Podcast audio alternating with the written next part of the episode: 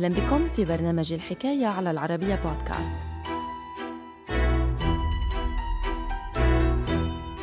في يوم الحادي والعشرين من يوليو عام 1774 كللت الإمبراطورة الروسية كاثرين العظيمة نصرها على العثمانيين بإجبارهم على توقيع معاهدة استسلام مذلة حدت من نفوذهم ومكانة دولتهم على الساحة العالمية.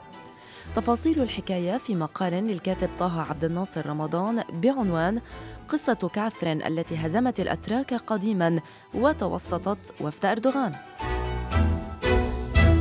الحكاية.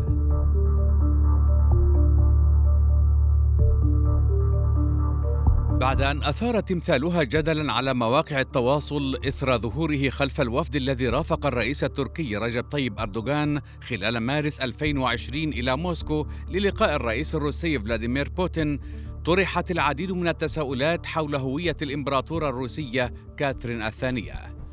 عاش العالم ما بين عامي 1768 و 1774 على وقع أحداث الحرب الروسية العثمانية. التي سرعان ما تطورت من مناوشات حدودية لحرب واسعة وبينما عانى العثمانيون بقيادة السلطان مصطفى الثالث الذي اعتلى العرش عام 1757 من مشاكل داخلية جمة اتجهت الإمبراطورة الروسية كاثرين العظيمة المعروفة أيضا بكاثرين الثانية البالغة من العمر حينها 39 سنة لتوسيع نفوذ بلادها والحصول على موطئ قدم بالبحر الأسود وطرد الأتراك من المنطقة.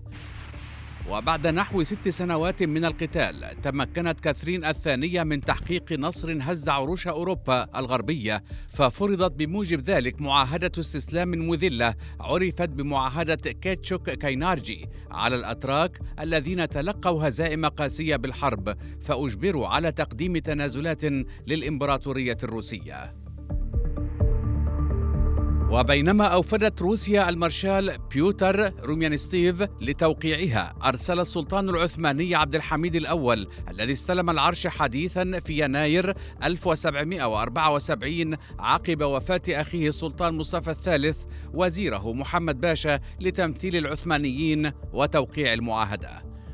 وإضافة للبنود التي نصت على وقف إطلاق النار وعودة العلاقات الدبلوماسية وتبادل الأسرى وتسليم المطلوبين للعدالة وافقت الدولة العثمانية على منح كاثرين الثانية لقبها وإدراج لقب إمبراطورة الروس بجميع مراسلاتهم نحو الإمبراطورية الروسية. كما تعهد السلطان العثماني بحماية المسيحيين والكنائس والسماح للروس بزيارة القدس وسائر المدن العثمانية متى شاءوا مع توفير الحماية لهم. وإعفائهم من دفع الضرائب.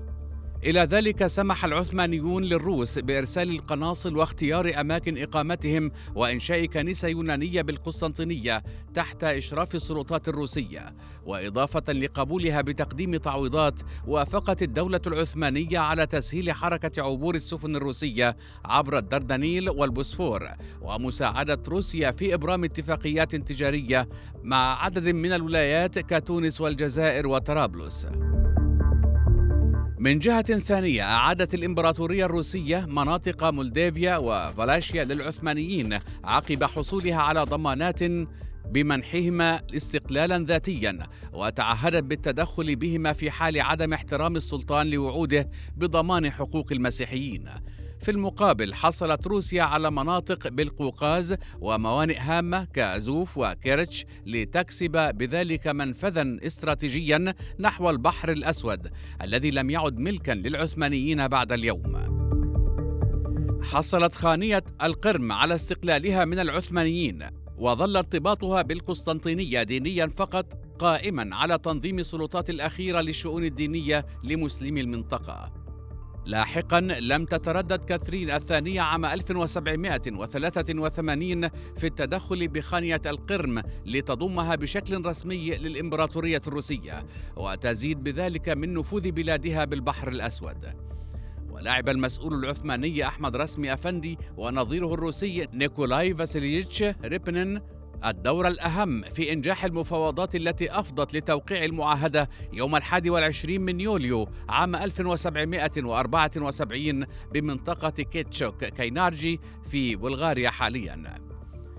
وقد استهل بموجب ذلك السلطان العثماني عبد الحميد الأول ولايته باتفاقية مذلة حدت من نفوذه ومكانة بلاده على الساحة العالمية حيث أهين الأخير على يد الإمبراطورة الروسية كاثرين العظيمة التي ارتقت بروسيا وضمتها لمصف القوى العظمى وجعلتها ندا لفرنسا وإنجلترا.